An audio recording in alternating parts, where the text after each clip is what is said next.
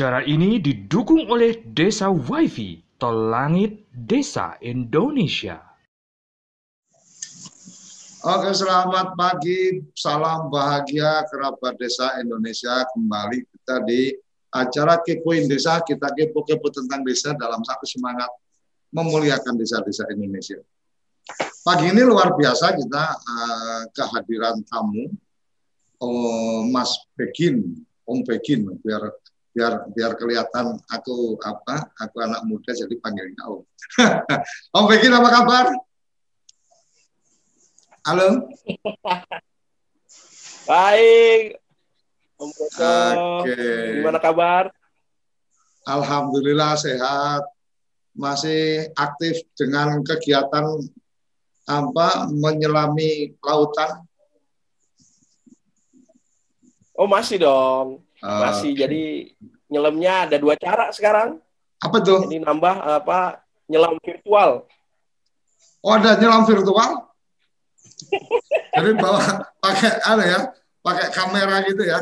Orang bisa ngikutin. Ah iya iya betul. Nah, jadi Om Begin turun ke mana gitu, orang bisa ikut berasa ikut masuk ke laut gitu ya. Iya. Eh?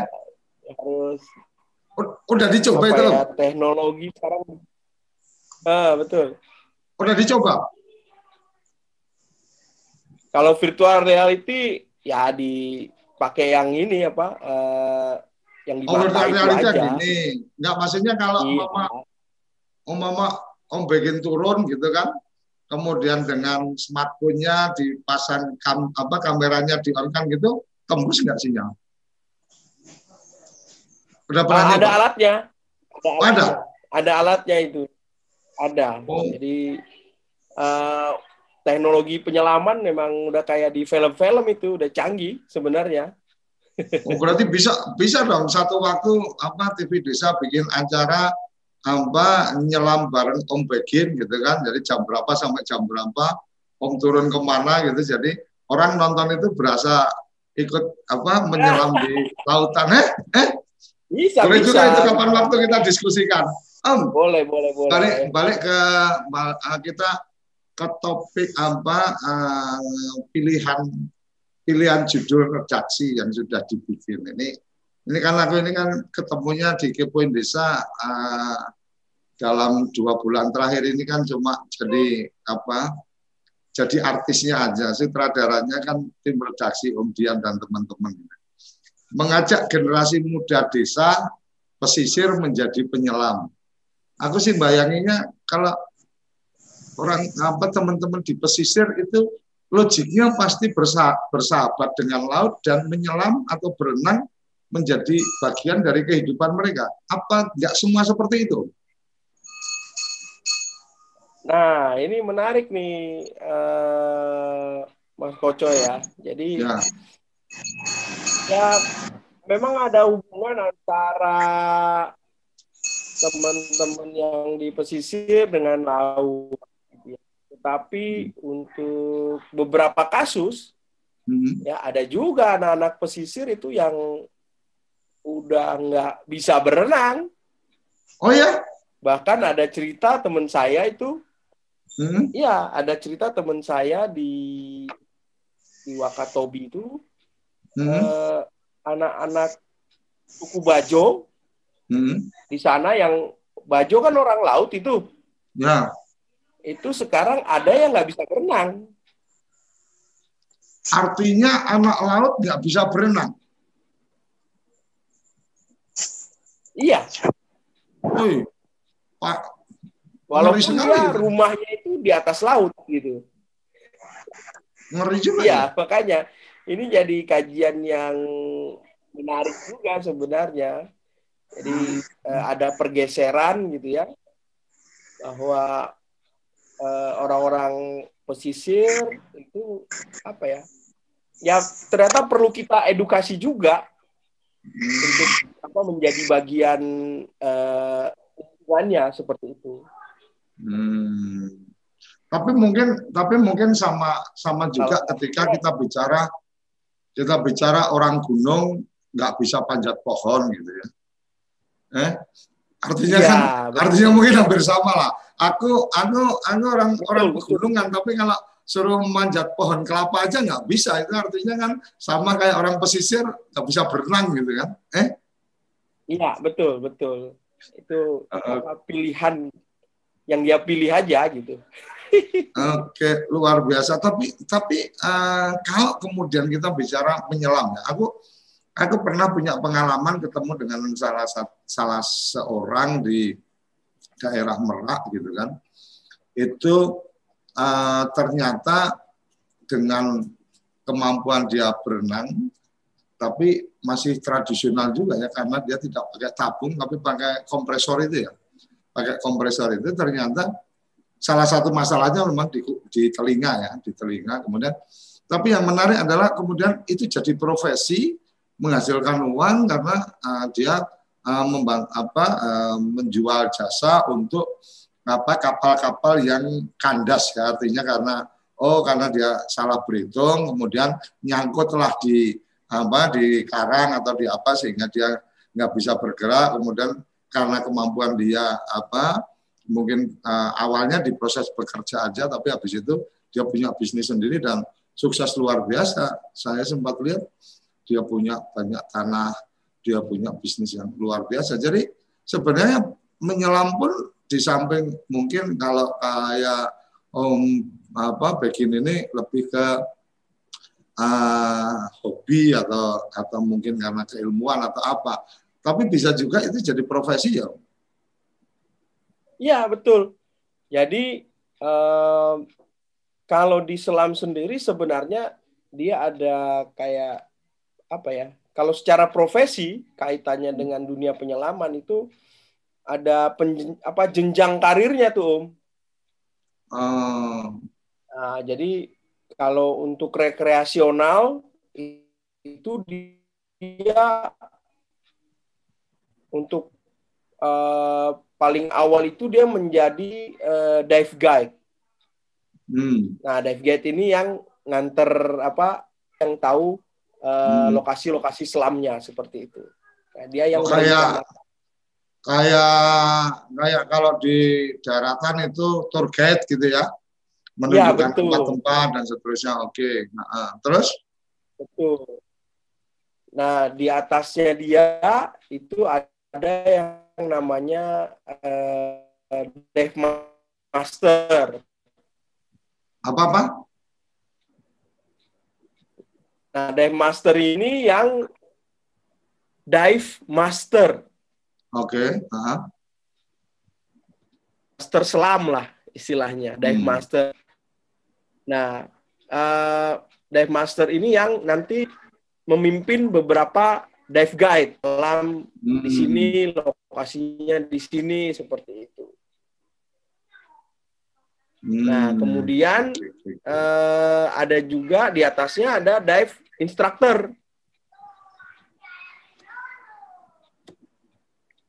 Nah, nanti dive ada dive guard, di atasnya ada dive eh, instructor. Dive instructor ini bisa memberikan sertifikasi selam oh eh, apa untuk eh, penyelam-penyelam baru.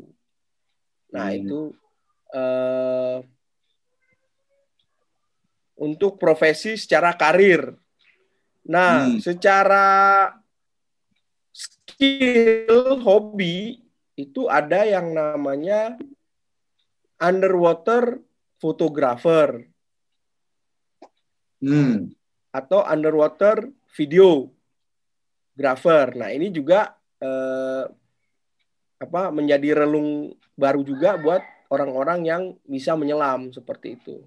Nah, jadi Hmm. eh, itu beberapa apa eh, profesi yang bisa di dikembangkan oleh anak-anak desa ya untuk eh, apa sebagai aktivitas atau ber- kalau yang ingin berkarir di selam rekreasi. Nah, kalau dari Hmm. sisi saya orang kampus ya itu bisa juga menjadi scientific diver. Scientific Jadi- diver itu gimana? Jadi penyelam-penyelam yang eh, mempunyai kemampuan dalam pengambilan data-data di laut. Oh, oke. oke. Nah, dia masuknya nanti eh, jadi surveyor ya, Hmm. yang mengambil data atau dia juga bisa eh, yang menjadi tenaga ahli untuk kegiatan-kegiatan eh, lingkungan biasanya seperti itu. Oke. Lalu ada juga yang tadi sama kayak pengalaman Mas Koco tadi yang eh, apa ya bagian kalau itu sebutnya bagian marine ya. Jadi survei-survei eh, bawah laut yang misalnya ada kapal yang kandas misalnya gitu ya. Hmm. Lalu juga apa ya untuk pekerja membersihkan apa dinding-dinding kapal itu loh. Oh dari- ya, berarti yang bagian-bagian bawahnya itu ya, Ya, itu butuh juga penyelam seperti itu. Nah, jadi pemasangan Eh, kabel bawah laut. ya. betul, betul. Ada yang untuk apa ngelas di bawah laut. Nah, Hmm. itu eh, itu sudah ranah yang profesional itu. Jadi Itu- dia itu itu eh, dibayarnya per jam selam dia. betul eh, bayarnya per jam. Nah, nanti tergantung. Dan ini ya, Dan apa dia- ada leveling leveling ininya ya. Oh untuk untuk melakukan pengelasan berarti oh ini level ini berarti per jamnya berapa dan seterusnya gitu ya. Artinya untuk jadi profesi Betul. sangat terbuka Eh, ketika punya kemampuan menyelam. sangat terbuka. sangat Hmm. terbuka. Jadi eh, terutama ya, nah eh, apa dan peluang sangat besar sekarang karena banyak sekali eh, apa lembaga-lembaga yang bisa apa memberikan sertifikasi gitu ya dan juga program-program pemerintah juga itu bisa gitu itu. tantangan terberatnya untuk ini berdasarkan pengalaman uh, Om Begin nih. Tantangan terberatnya untuk kemudian teman-teman di pesisir, artinya kan uh, mungkin akan lebih gampang ngajarin orang manjat itu orang-orang pegunungan kan gitu, manjat pohon gitu kan.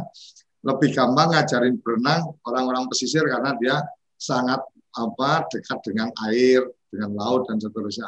Tapi tantangan terbesarnya apa Om sebenarnya untuk kemudian mengajak teman apa anak-anak muda pesisir itu untuk kemudian apa eh, menekuni atau kemudian mempelajari eh, profesi atau pekerjaan terkait dengan selam ini. Apakah mereka merasa bahwa oh ini se- selam itu apa eh, pelatihannya aja mahal, peralatannya mahal atau mungkin secara minat memang mereka juga sudah mulai berpikir untuk tidak lagi orang pesisir mainnya ke laut, tapi mainnya ke gadget, mamanya dan seterusnya. Silakan Om berbagi cerita, Om pengalaman Om Begin yang Ya. udah berapa tahun ini bicara apa uh, men- me- meng- apa bergelut dengan bergelut dengan dunia selam pasti le- lebih lama bergelut dengan dunia selam daripada bergelut dengan apa tautan hati ya.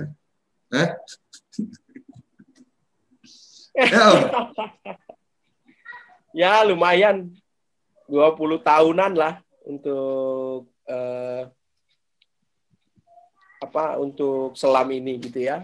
Gitu ya. Iya, Berarti- tantangan ter, tantangan terbesarnya sih sebenarnya tadi ya bahwa eh, beberapa lokasi eh, di awalnya tuh dia sendiri tidak tahu kira-kira belajar nyelam ini habis itu dibawa ke mana gitu. Nah Hmm. itu jadi eh, yang pertama itu. Yang kedua tadi benar Om Koco tadi bahwa masa jadi seolah-olah kalau kita di laut terus ini mereka menganggap tidak ada perkembangan di buat hidup mereka gitu. Di Hmm. laut aja masih ke laut aja gitu. Nah itu Hmm. eh, ini yang apa ya edukasi terhadap eh, mereka itu menjadi eh, penting gitu dan memang akhirnya apa eh, banyak juga desa-desa pesisir itu kayak tadi ya dive guide-nya gitu ya. Kemudian Hmm. dive masternya itu dari tempat lain, Om. Karena Hmm. orang lo, apa eh, lokalnya itu tadi tidak menganggap itu sesuatu apa ya profesi yang yang keren gitu. Art- artinya hampir sama ketika kita bicara sekarang mencari petani muda juga susah apa sulit ini sama juga ketika kita bicara uh, bukan nelayan tapi penyelam itu juga mencari penyelam lokal juga apa uh, sulit karena memang banyak yang tidak tertarik lagi orang-orang orang-orang pesisir untuk menjadi penyelam, orang-orang di pegunungan untuk jadi petani, kira-kira gitu kan? Ya, jadi ada ada beberapa lokasi yang memang yang apa yang belum terlalu berkembang wisata di sana gitu ya. Itu eh, seperti itu kondisinya. Tetapi di daerah-daerah yang agak established itu yang wisatanya eh, terutama wisata baharinya bagus itu sudah ada eh, kesadaran ke sana. Kesadaran bahwa kita harus punya peran, ambil bagian juga di industri selam di daerah kita gitu. Nah ini Hmm. uh, itu sudah mulai, tapi ya baru 5-6 tahun inilah seperti itu. Hmm. Atau mungkin salah satunya karena teman-teman penyelam sendiri apa kurang proaktif melakukan sosialisasi bahwa jadi penyelam itu keren loh, profesinya banyak juga loh dan seterusnya. Atau atau sebenarnya sudah cukup proaktif tapi memang membangun kesadaran itu juga bukan pekerjaan yang mudah. Ya kalau uh, ya itu tantangannya sebenarnya. Bisa jadi memang kita uh, kurang proaktif ya. Jadi Hmm. target kita itu yang diberikan edukasi Islam itu malah orang-orang kota gitu. Oh. Apa Karena karena, memang mereka- mahal nih? Karena memang uh, pasar gitu. apa karena memang mahalnya atau gimana Om? Ya, pertama eh, memang apa kalau peralatan itu mahal dan itu kan relatif gitu. Sekarang banyak sekali eh, peralatan yang murah. Terus banyak juga Pemda itu melakukan pelatihan-pelatihan Om Oke. untuk Hmm. eh, masyarakat eh, pesisir. Tetapi Hmm. yang akhirnya berkecimpung di apa ya dunia penyelaman ini nggak banyak juga ternyata gitu. Jadi setiap tahun tuh misalnya di Kepulauan Seribu, di mana di Selayar misalnya, terus di ya daerah-daerah uh, pulau, kepulauan ya kabupaten pulau itu melakukan pelatihan selam, tetapi ya nggak banyak. Mungkin bisa dikatakan ya kalau dari 20 orang itu yang dilatih maksimal lima orang yang terus berkarir seperti itu gitu. Artinya Jadi, mungkin pada saat Eh, artinya mungkin pada saat pembukaan peserta pelatihan dan seterusnya itu memang apa belum terseleksi dengan baik bahwa mereka memang minat di situ dan ingin mendalami itu ini kan eh, satu cerita yang lain bahwa eh, agenda pelatihan itu lebih pada ya karena ini sudah ada programnya yang penting gugur tugas aja atau ada kemungkinan itu Om? Iya betul, betul sekali. Jadi ya biasalah kalau pelatihan itu kan targetnya jumlah peserta kan.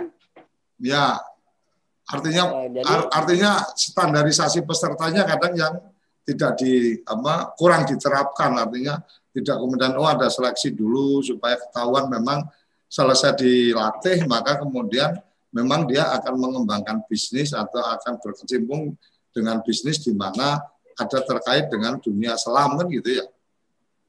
iya betul betul. Hmm. Jadi ya karena tadi ya eh, yang berminat juga tidak banyak, jadi eh, sulit juga mencari peserta-peserta yang yang punya passion, yang punya minat ke sana. Padahal dimulai itu dari sejak biasanya sejak SMA misalnya. Jadi Hmm. khusus anak-anak SMA itu udah udah dilatih tuh Om. Cuma Ah, ya punya apa sih mungkin keinginan karir pet sendiri seperti itu. Jadi Oke, ya tantangan sih kalau menurut saya sebenarnya benar tantangannya di masyarakat pesisirnya. Kalau orang luar dunia selam secara umum orang ingin belajar nyelam itu banyak banget kalau di Indonesia Hmm. banyak banget. Kalau sekarang gini Om, aku pengen tahu nih, kalau umpama nih, ini kan sekarang desa-desa kan diberikan apa eh, keleluasaan untuk mengembangkan potensi dan seterusnya.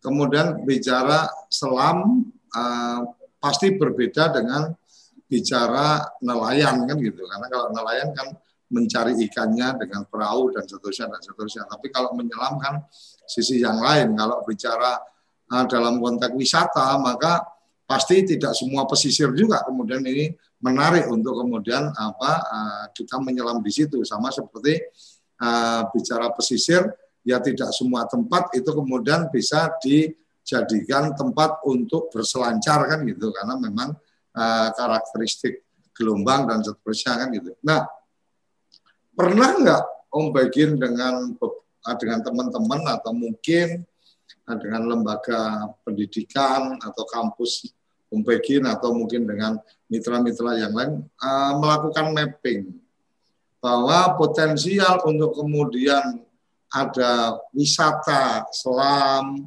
kemudian potensial untuk kemudian apa punya pekerjaan-pekerjaan yang terkait dengan selam itu ada di wilayah-wilayah mana? Umpama nih, oke okay, kalau di dekat pelabuhan ada potensi itu seperti tadi profesi-profesi apa dan seterusnya. Kemudian uh, untuk di wisata kan suka nggak suka berarti oh ada pantai-pantai atau ada laut-laut yang memang terumbu karangnya bagus atau ikan-ikannya bagus dan seterusnya dan seterusnya. Pernah nggak om? Pernah uh, ada semacam apa mapping? Oh ini loh daerah-daerah ini yang potensi untuk kemudian apa profesi-profesi uh, atau bisnis dikembangkan dengan basis mereka perlu menguasai uh, keterampilan menyelam. Ya, jadi kegiatan mapping uh, untuk wisata selam, uh, ya benar sih. Jadi memang nggak semua lokasi itu cocok untuk wisata selam seperti itu. Nah, Hmm. sebenarnya pemerintah sendiri itu sudah punya apa panduan untuk uh, apa bagaimana kita menentukan daerah-daerah penyelaman. Nah, jadi Hmm. ya misalnya di kalau zaman dulu saya dari waktu zaman mahasiswa udah melakukan survei itu tuh Om.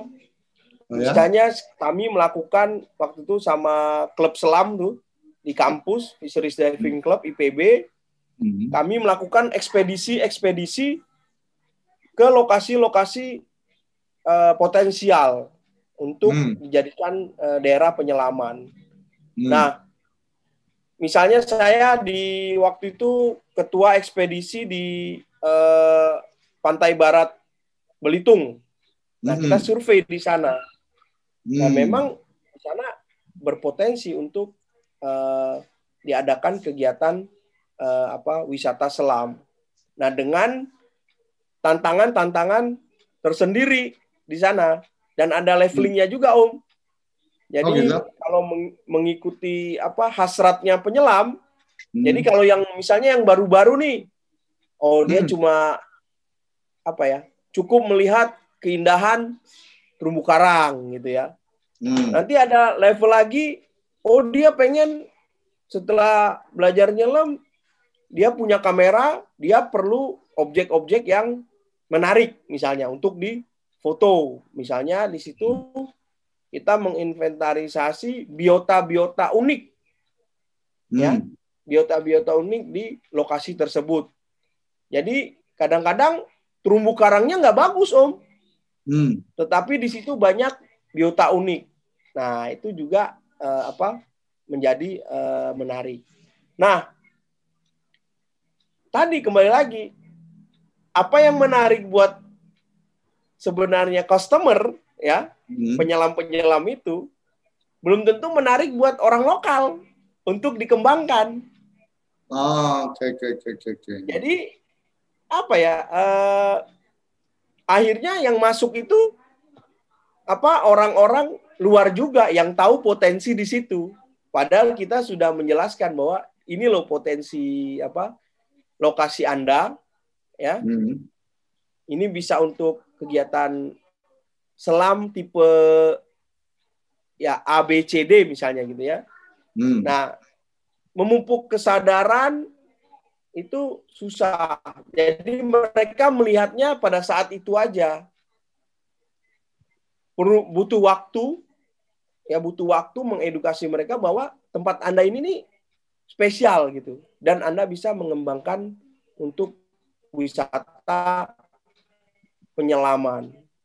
Nah, Hmm. itulah makanya di beberapa lokasi di Indonesia yang mengembangkan selam itu malah orang luar. Karena orang luar ini yang bisa menjangkau eh, customer-nya seperti itu.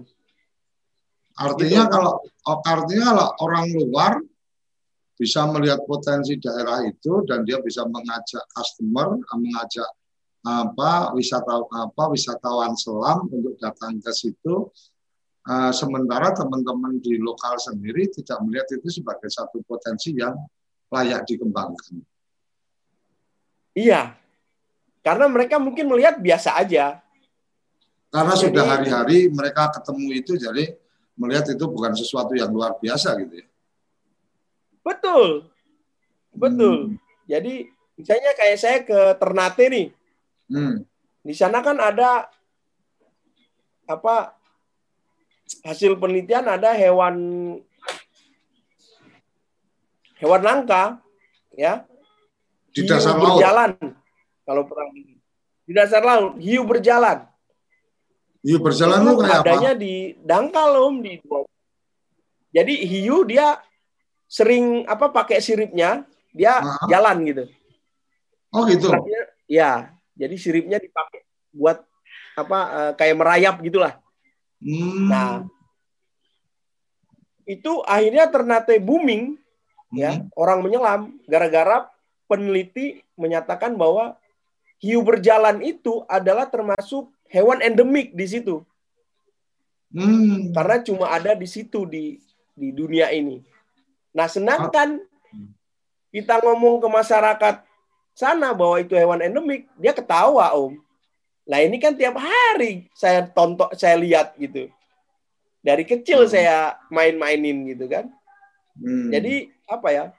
eh, tadi eh, apa informasi nilai penting suatu objek ya, organisme itu perlu diedukasi juga ke mereka. Bahwa Artinya- daerah kamu ini spesial gitu loh. Artinya karena itu sudah menjadi bagian dari hidup dia, kemudian dia menganggap itu biasa dan kemudian tidak eh, belum ada dalam tanda petik kesadaran bahwa ini potensi yang bisa kemudian menghasilkan sesuatu. Artinya bahwa oke kebia itu sudah sesuatu hal yang lumrah buat kamu, tapi buat orang itu, ah, buat orang di luar wilayah ini, ini adalah sesuatu yang luar biasa. Jadi kesannya jadi mereka tidak menghargai apa yang mereka miliki sendiri kira-kira. Ya, belum tahu apa ya, values bukan tidak menghargai Om, tapi value secara global Hmm. itu mereka nggak tahu gitu. Artinya Kalau belum melihat kan ini sebagai potensi lihat, duit, gitu aja kan? gitu. Belum melihat ini sebagai potensi duit kan? Betul. Yang jadi masalahnya kan gitu. Bahwa oh Ya. ini hari-hari saya, Betul. tetapi bahwa kemudian ini ini sebenarnya jadi bisa jadi potensi duit itu yang harus disadarkan karena sekarang kan orang materialistis harus ketika ada ada manfaat duit mungkin akan menjadi lebih tertarik om. Hah? Ya, betul, betul. Oke om, Jadi Ah, eh, Oke, Om, kayaknya kita mesti apa tahan dulu. Ada beberapa bagian yang ada di kepala saya, mungkin kita bisa eksplor lebih lanjut.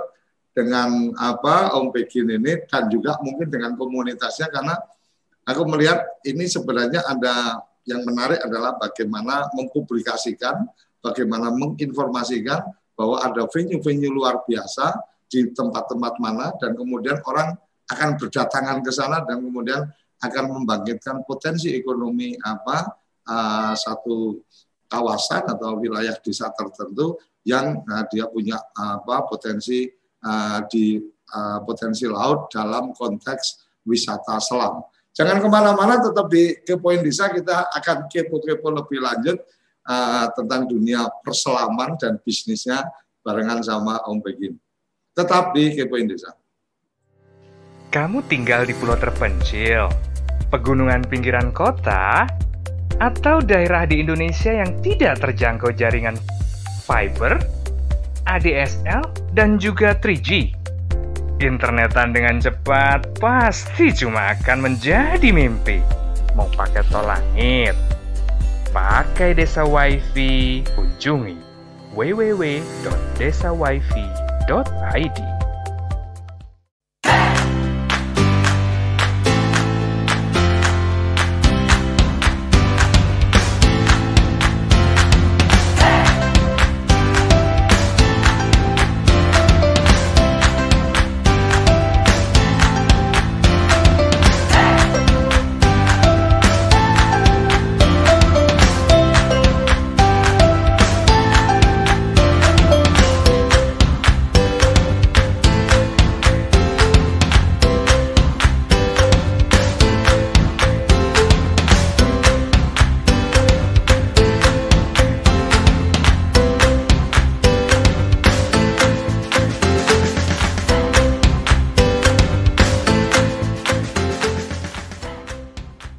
Toko IG.id, toko Instagramnya orang Indonesia. Ayo, kandidat kepala daerah, manfaatkan kesempatan ini. TV Desa mengundang Anda bicara desa. 5 menit bisa. Bicara Desa. Sebuah program tayangan monolog. Konsep membangun dari desa. Dari kandidat untuk masyarakat. 5 menit bisa. Bicara Desa. Hanya di TV Desa. Oke, kembali lagi kita di kepoin desa, kita kepo-kepo tentang desa. Om ada ada yang menarik yang tadi apa di awal tadi Om bikin cerita bahwa uh, ada potensi untuk kemudian uh, secara teknologi hari ini teman-teman penyelam itu juga bisa membawa ke uh, bukan sekedar apa virtual menyelam dengan menggunakan perangkat yang dipasang di apa di muka itu kan. Tapi juga kemudian uh, saya tidak ikut menyelam, tapi saya bisa ikut menikmati keindahan bawah laut. Kemudian itu akan uh, punya potensi untuk kemudian menarik minat orang untuk berwisata laut dengan menyelam. Uh, dan ketika kemudian banyak orang datang ke situ, otomatis karena ada potensi ekonomi, maka masyarakat desa di wilayah yang bersangkutan itu pasti kemudian uh, jadi lebih mudah diedukasi untuk yuk kamu bisa jadi apa guide guide-nya yuk kamu bisa apa berbisnis ini dan seterusnya. Jadi taruh kata ini oh Om Begin udah bisa ada yang tertarik untuk di satu daerah tertentu karena memang sudah ada mitra di daerah itu atau di desa itu maka Om tinggal ngomong oke okay, akan uh, datang ke situ apa teman-teman yang tertarik untuk kemudian ikut wisata selam. Nama ini leveling apa kemampuan selamnya kayak gini bla bla dan seterusnya. Sehingga kemudian si tour guide-nya ini apa uh, kemudian mampu apa uh, oh ini berarti pengamanannya harus seperti apa karena levelnya masih seperti ini dan seterusnya dan seterusnya. Kira-kira yang kemudian jadi apa tantangan menariknya adalah ketika kemudian membuat satu event atau program yang seperti itu nih apa virtual apa ikut apa dalam perjalanan menyelam itu itu seberapa mahal sih dan apa potensinya seperti apa sih kalau kita bikin acara yang kayak gitu Jadi sebenarnya teknologinya itu sudah sudah lama dikembangkan ya. Itu jadi eh, jadi penyelam-penyelam yang khusus tadi yang las dan itu yang ada hmm. kerjaan bawah laut itu sudah menggunakan teknologi eh, komunikasi tersebut gitu. Dan memang hmm. kendalanya sih sampai saat ini memang dia eh, apa cukup mahal gitu.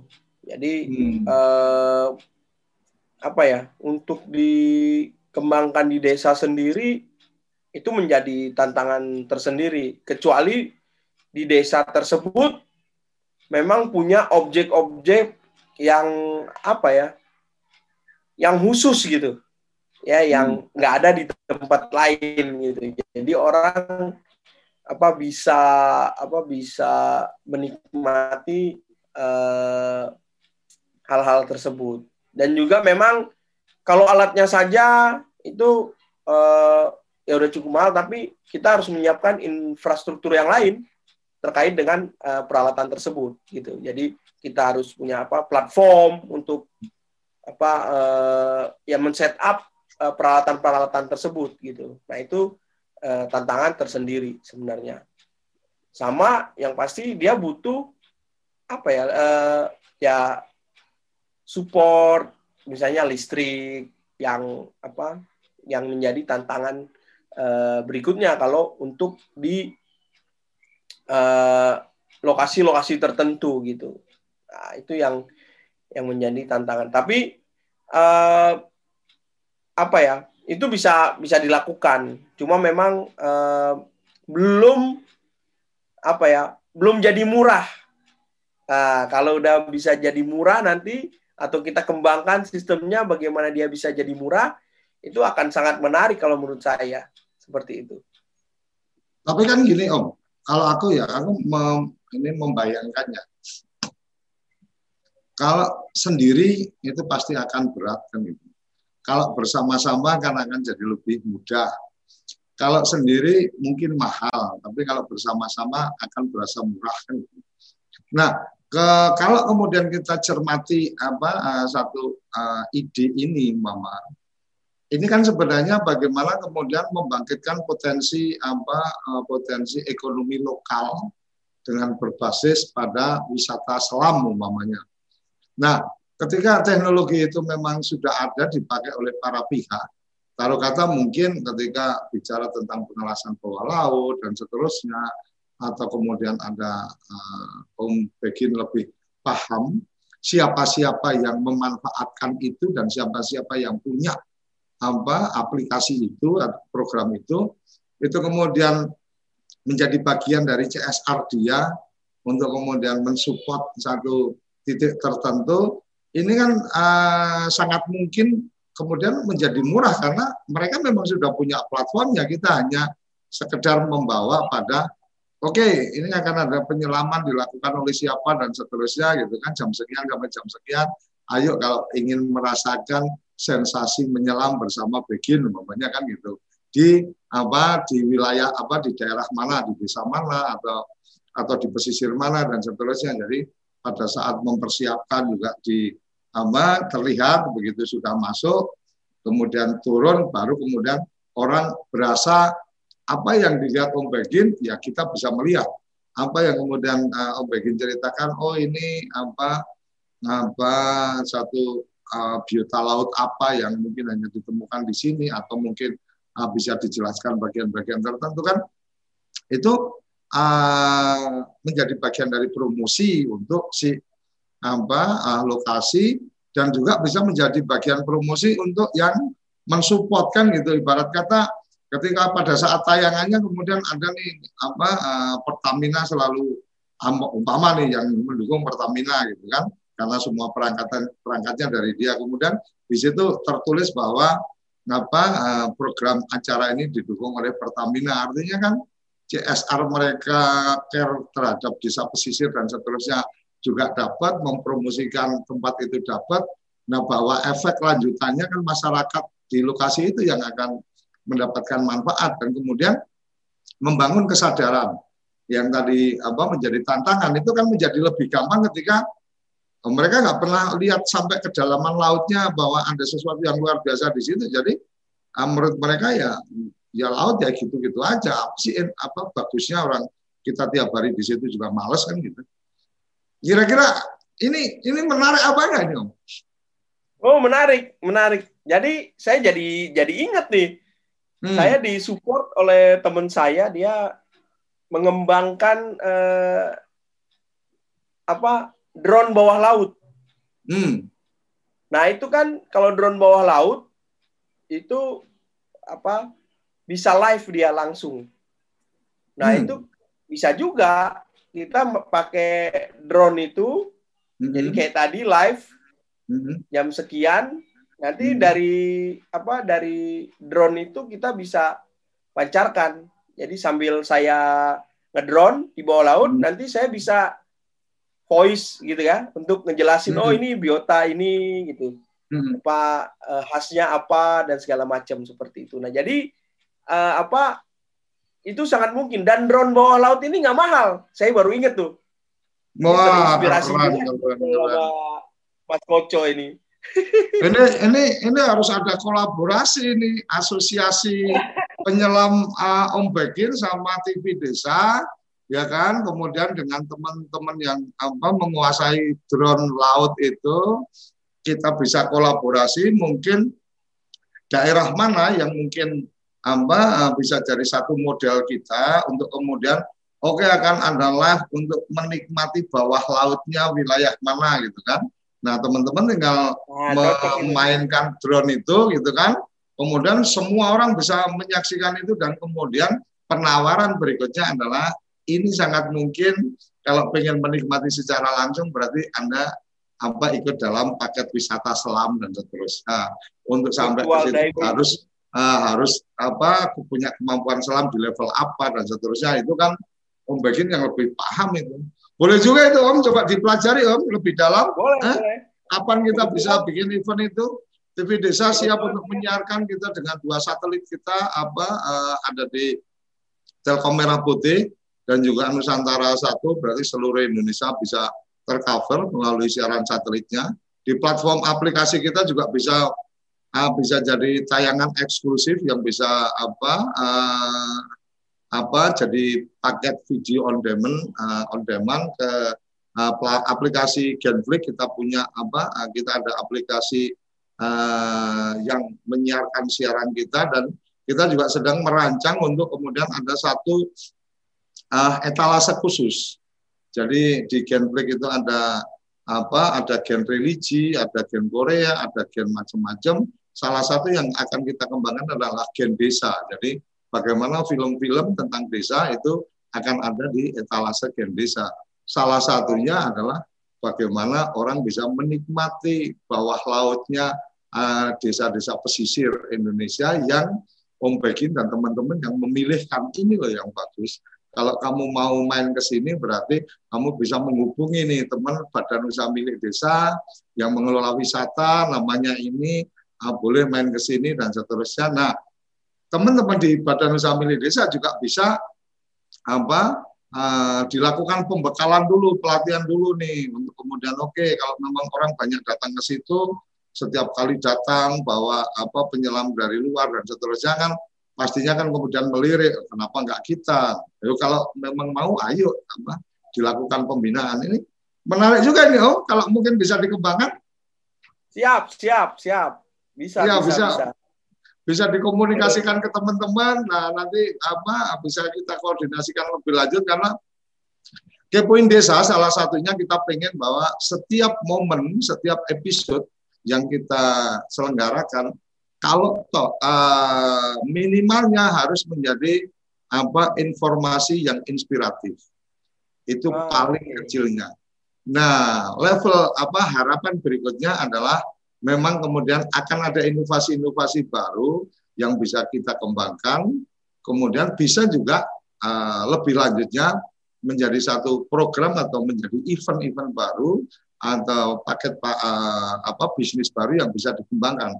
Salah satu yang kemarin apa hasil ngobrol-ngobrol kita di Kepoin Desa adalah ketika smartphone itu bisa menjadi alat rekam untuk membuat film. Akhirnya TV Desa bersama teman-teman apa Rumah Film Avandi kita membuat program acara festival film yang hanya boleh diikuti untuk mereka-mereka yang proses pengambilan gambarnya hanya menggunakan kamera smartphone. Jadi kalau oh. pakai kamera profesional malah nggak boleh, harus nggak pakai boleh, smartphone. Iya, iya. Ini ini bagian yang mungkin orang tadinya ah, kalau mau bikin film alasannya oh kita nggak punya alat yang memadai, oh kamera itu harus gini, oh lightingnya harus gini, akan ada apa edukasinya tentang bagaimana cukup dengan smartphone asal kamu kreatif, kamu punya ide itu bisa dieksekusi menjadi sebuah film. Saya kepikiran tadi apa ketika memungkinkan tadi bagaimana menikmati bawah laut itu kemudian apa uh, orang bisa melihat uh, secara live-nya Artinya ini menjadi bagian yang menarik karena bisa ada interaksi. Kalau kemudian orang nonton setelah acara itu kan mungkin nggak bisa ada interaksi, tapi kalau pada saat live kan bisa interaksi nih. Mama oh, yang memainkan drone bawah laut itu adalah tim dari mana disebutkan dan seterusnya. Kemudian yang menjadi pendamping atau menjadi uh, angkernya adalah Om Begin umpamanya. Om Begin bisa menyampaikan, memberikan penjelasan nih. Oh, oh ini coba coba uh, agak ke sebelah kanan itu ada yang menarik dan seterusnya. Om Bagian bisa bercerita tentang ada apa ini di sini dan seterusnya karena yang bercerita pasti orang yang punya kompetensi ketika Suryo Koco yang mendampingi di situ ya cuma ngomong, oh indah sekali, oh apa ikan kecil-kecil dan seterusnya, tapi nggak bisa cerita itu apa dan seterusnya. Kira-kira gitu ya, Om? Eh, ada ide tambahan dari Om Begin? Ya, jadi saya jadi saya yang banyak belajar nih dari Om Koco nih, ide-idenya luar biasa nih. Ya Om, jadi saya itu disupport eh, teman saya di dia apa ya eh, startup hmm. untuk underwater drone. Nah, okay. dia eh, di, di Cina sekarang. Hmm. Nah, dia membuat startup ini dan saya disupport tuh sama dia dipinjemin drone-nya. Hmm. Wow, untuk, untuk digunakan. Jadi untuk digunakan. Jadi ya. bagaimana uh, drone ini digunakan untuk kegiatan tadi pendidikan konservasi di Indonesia seperti itu. Nah dia bisa fully support itu untuk alatnya tuh. Artinya kan Apa? bisa bersinergi nih bersinergi bahwa kita TV Desa membutuhkan siaran edukasi, kemudian teman-teman drone itu men, apa, siap memfasilitasi perangkatnya, Om Begin dan teman-teman punya agenda untuk meng, apa, memberikan edukasi ke publik tentang apa uh, apa uh, kehidupan bawah laut gitu kan. Secara bisnisnya bahwa teman-teman yang mungkin punya perangkat untuk drone bawah laut itu itu pastinya kan kemudian akan disebutkan nih perangkat ini menggunakan apa dan seterusnya. Jadi ketika ada institusi atau lembaga-lembaga yang membutuhkan kan bisa berhubungan dengan si pemilik perangkat. Ketika kemudian membutuhkan tenaga ahli untuk apa menjadi mentor atau menjadi apa konsultan atau menjadi supervisor dari kegiatan-kegiatan berhubungan bawah laut berarti ketemunya sama uh, Om Begin dan teman-teman kan gitu. Artinya ya, sal saling melengkapi ini harus segera didiskusikan lebih matang ini Om Begin. Hah? Iya, okay, ya? jadi dia udah udah mikirin juga nih kira-kira lokasinya yang menarik itu di mana aja tuh. Menarik okay. juga. Oke, okay, mantap mantap. Setidaknya kepoin desa malam ini, ah, malam ini, pagi ini kita ketemu Om Begin ada satu ide baru nih. Jadi TV desa akan menjadi TV yang apa yang bukan TV biasa karena uh, selalu memberikan ide-ide baru, memberikan eksekusi-eksekusi baru, memberikan inovasi-inovasi baru dan inspirasi-inspirasi baru dalam satu kerangka semangat itu tadi. Bagaimana ketika apa yang kita kerjakan, insya Allah akan memberikan dampak terhadap desa-desa atau wilayah-wilayah pedesaan di sekitar tempat yang apa uh, kita berkegiatan atau dalam proses kegiatan kita akan memberikan ruang untuk kemudian desa-desa apa uh, bisa berpartisipasi aktif untuk apa uh, menggali potensi dan mempublikasikan potensinya seperti uh, Smartphone Short Film Festival itu kita sudah tetapkan bahwa secara tema keseluruhan itu harus dengan atmosfer pedesaan. Jadi suka tidak suka film yang akan di apa yang akan diproduksi pasti akan berbau apa suasana pedesaan, pasti akan berbau mengangkat potensi-potensi pedesaan. Jadi brand TV desa dengan kata desa yang ada mengikuti di belakang TV ini uh, masih tetap kita uh, jaga bahwa setiap event-event kita akan terkait dengan desa dan perdesaan.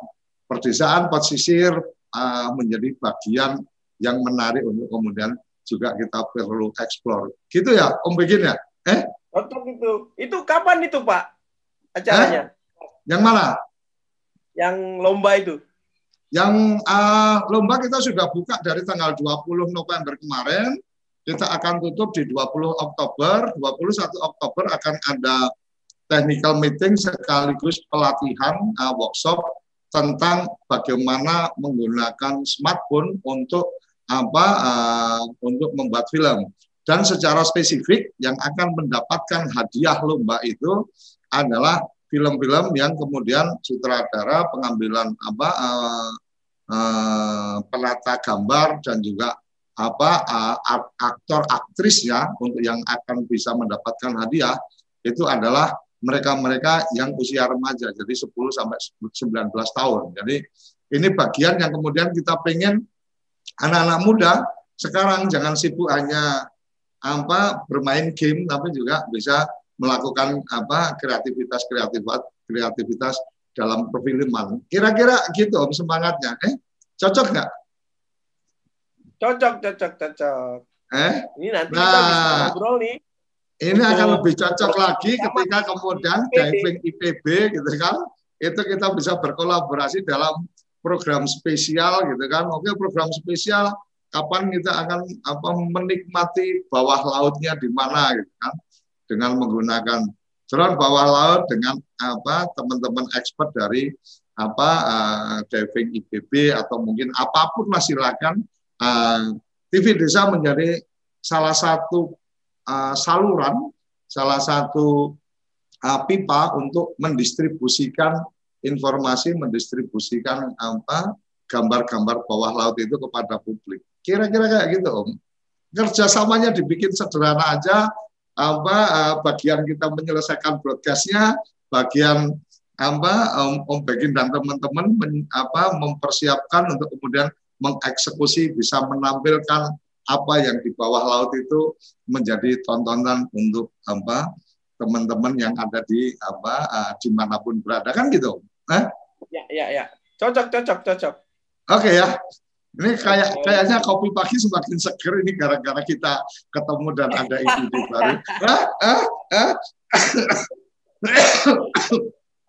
Oke Om, balik lagi ke mengajak generasi muda desa menjadi penyelamat. Mungkin salah satunya ketika kemudian Om Begi nanti menemukan titik yang akan dieksplor pertama kali, uh, oke okay, di mana? Aku kebayang ketika kemudian orang jadi menyadar, um, jadi sadar bahwa ngapain juga aku harus menyelam jauh-jauh ke mungkin ke luar negeri atau apa ternyata ada tempat yang bagus di situ. Nah, ketika kemudian banyak berdatangan teman-teman penyelam ke situ atau kemudian apa orang yang kemudian tertarik untuk kemudian apa bisa menikmati bawah laut dengan secara langsung dan seterusnya artinya kan kemudian uh, desa di sekitar situ untuk kemudian mulai berangkat ke titik yang akan dituju itu kan otomatis akan menjadi destinasi untuk kemudian apa uh, bisa memberikan layanan-layanan lainnya. Taruh kata oke okay, layanan sewa perahunya untuk sampai di tempat mana dan seterusnya. Itu minimalnya. Layanan berikutnya bisa jadi oke okay, ternyata bagusnya aku nggak ngerti bawah laut itu. Mungkin kalau kedalaman-kedalaman tertentu kan ada ada masih ada cahaya matahari yang bisa masuk kan berarti oh di jam-jam segini artinya oh kalau di jam-jam segini maka mereka perlu ada nginep apa homestay di masyarakat dan seterusnya itu kan bagian yang menarik yang akan menjadi apa uh, pusat pertumbuhan ekonomi baru di titik-titik itu karena memang ada bisnis baru. Kira-kira menurut Om Begin gimana nih? Karena aku yakin sebagai seorang akademisi, peneliti, bagian-bagian kayak gitu, pasti nggak akan lepas dari apa pandangan atau apa pencermatan. Silakan, Om. Ya, jadi menarik ya ketika wisata berkembang itu memang akhirnya eh, kesejahteraan juga eh, lebih berkembang seperti itu tadi. Jadi eh, perekonomian di situ bergerak seperti itu. Nah, jadi ada beberapa contoh menarik misalnya di misalnya di Pulau Seribu gitu ya. Pulau Seribu itu yang di de, di depannya ibu kota itu di Pulau Pari dulu sebelum ada berkembang wisata di sana hmm. itu apa eh, perkembangan ya secara ekonomi masyarakat itu eh, mereka memang bergantung menjadi nelayan seperti itu. Setelah ada wisata, mereka tetap jadi nelayan tuh, Om. Hmm. Dari Senin sampai Jumat. Oke. Okay. Sabtu Minggu mereka menjadi uh, operator wisata. Nah, jadi oh. apa? Menambah uh, pendapatan masyarakat. Pendapatan masyarakat. Kemudian timbul juga kesadaran untuk lebih menjaga lingkungan. Ya. Karena dia wisata kan harus bersih misalnya gitu ya. Kemudian hmm. Lautnya juga harus bagus, dilindungi. Nah, di situ muncul juga kesadaran masyarakat untuk bahwa modal kita ini adalah uh, lingkungan kita yang bagus. Akhirnya mereka juga uh, apa apa ya ada gerakan-gerakan terkait dengan uh, peduli lingkungan gitu ya. Dan itu juga bisa dijual sebagai uh, apa uh, sebagai poin-poin usaha gitu, sebagai uh, apa edutourism seperti itu gitu. Arti, nah, jadi, artinya artinya kemudian antara ekologi dan ekonomi itu kemudian berjalan seiring menjaga apa kualitas lingkungan kemudian bisa menghasilkan secara ekonomi gitu ya.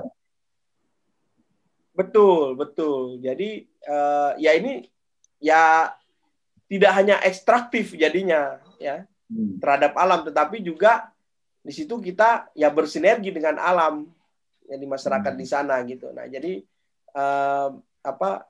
Nah wisata-wisata yang seperti itulah yang perlu dikembangkan di pesisir gitu oleh masyarakat pesisir bahwa dengan menjaga lingkungannya itu dia bisa uh, itulah modal yang apa yang mereka bisa jual seperti itu. Kalau kan sebenarnya bagian lain ketika bicara wisata, salah satunya adalah wisata edukasi umpamanya.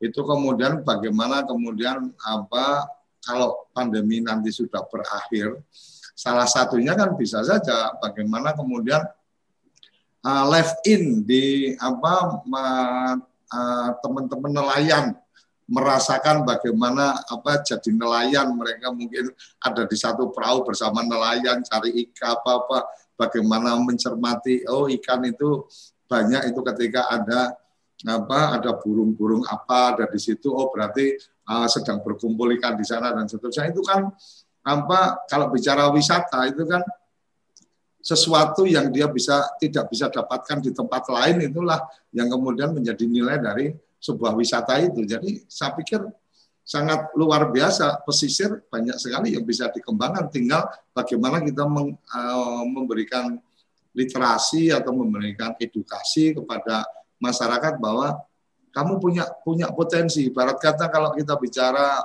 apa penyiaran atau apa uh, produk tayangan mama salah satu yang luar biasa ketika saya ketemu sama teman konten kreator dia menyampaikan bahwa setiap orang itu sebenarnya punya potensi jadi konten kreator.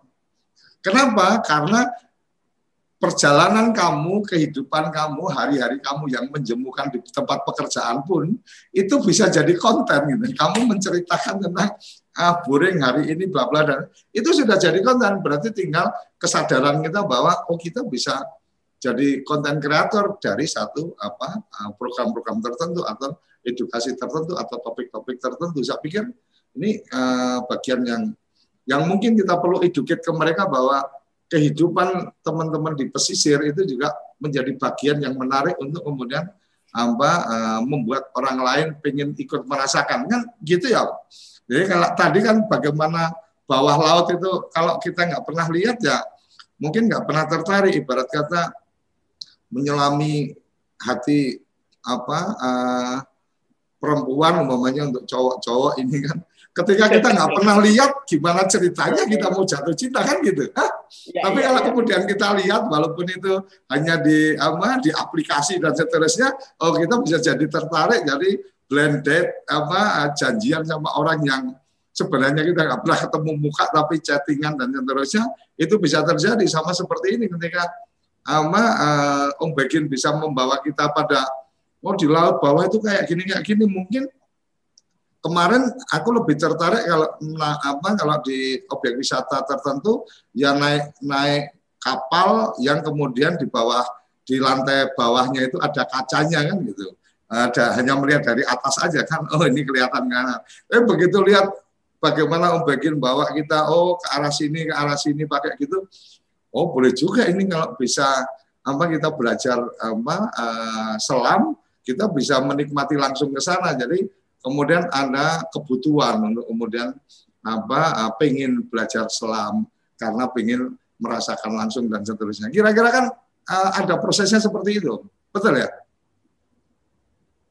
Iya betul betul betul sekali. Jadi pertama lihat dari atas, lalu belajar snorkeling ya. Oh, snorkeling masih tahan napas, lalu oh belajar nyelam nih lebih enak gitu ya, bisa ada interaksi dengan ikan dan lain-lain. Ya, memang memang harus di apa berproses juga seperti itu dan ini menarik juga untuk di apa dibedah gitu ya. Oke. Om, nggak terasa ini sudah di penghujung acara closing statement Om. Tapi kita tetap perlu koneksi lagi untuk kemudian kita mendiskusikan yang program yang tadi. Silakan Om. Ya. Closing statement untuk kerabat desa. teman-teman uh, eh, TV Desa dan buat sahabat desa, desa pesisir ya, terutama ini uh, jadi saya selalu bilang bahwa menyelam ya diving ini uh, itu membuka kesempatan yang lebih besar buat kita mengetahui apa yang ada di laut kita. Akan banyak hal-hal uh, unik di bawah yang bisa menjadi uh, buat pembelajaran kita juga dan juga bisa dikembangkan untuk hal-hal positif lainnya. Jadi, ayo belajar nyelam. Terima kasih. Oke, terima kasih Om Begin dan kita akan apa ketemu lebih lanjut ngobrolin ide program yang mungkin kita bisa kolaborasikan untuk TV desa dan memberikan kemanfaatan kepada kerabat desa di seluruh Indonesia.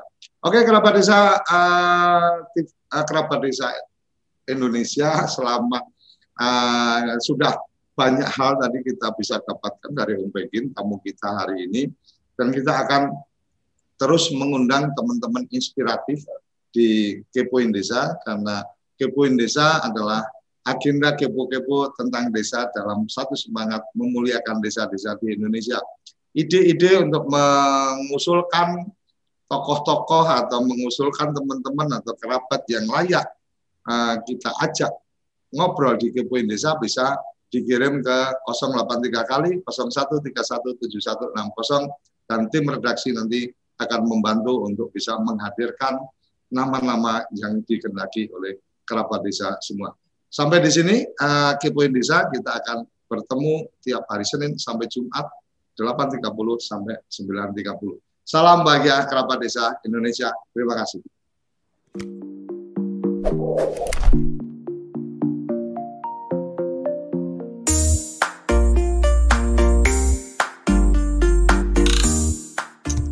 Acara ini didukung oleh Desa WiFi, Tol Langit Desa Indonesia.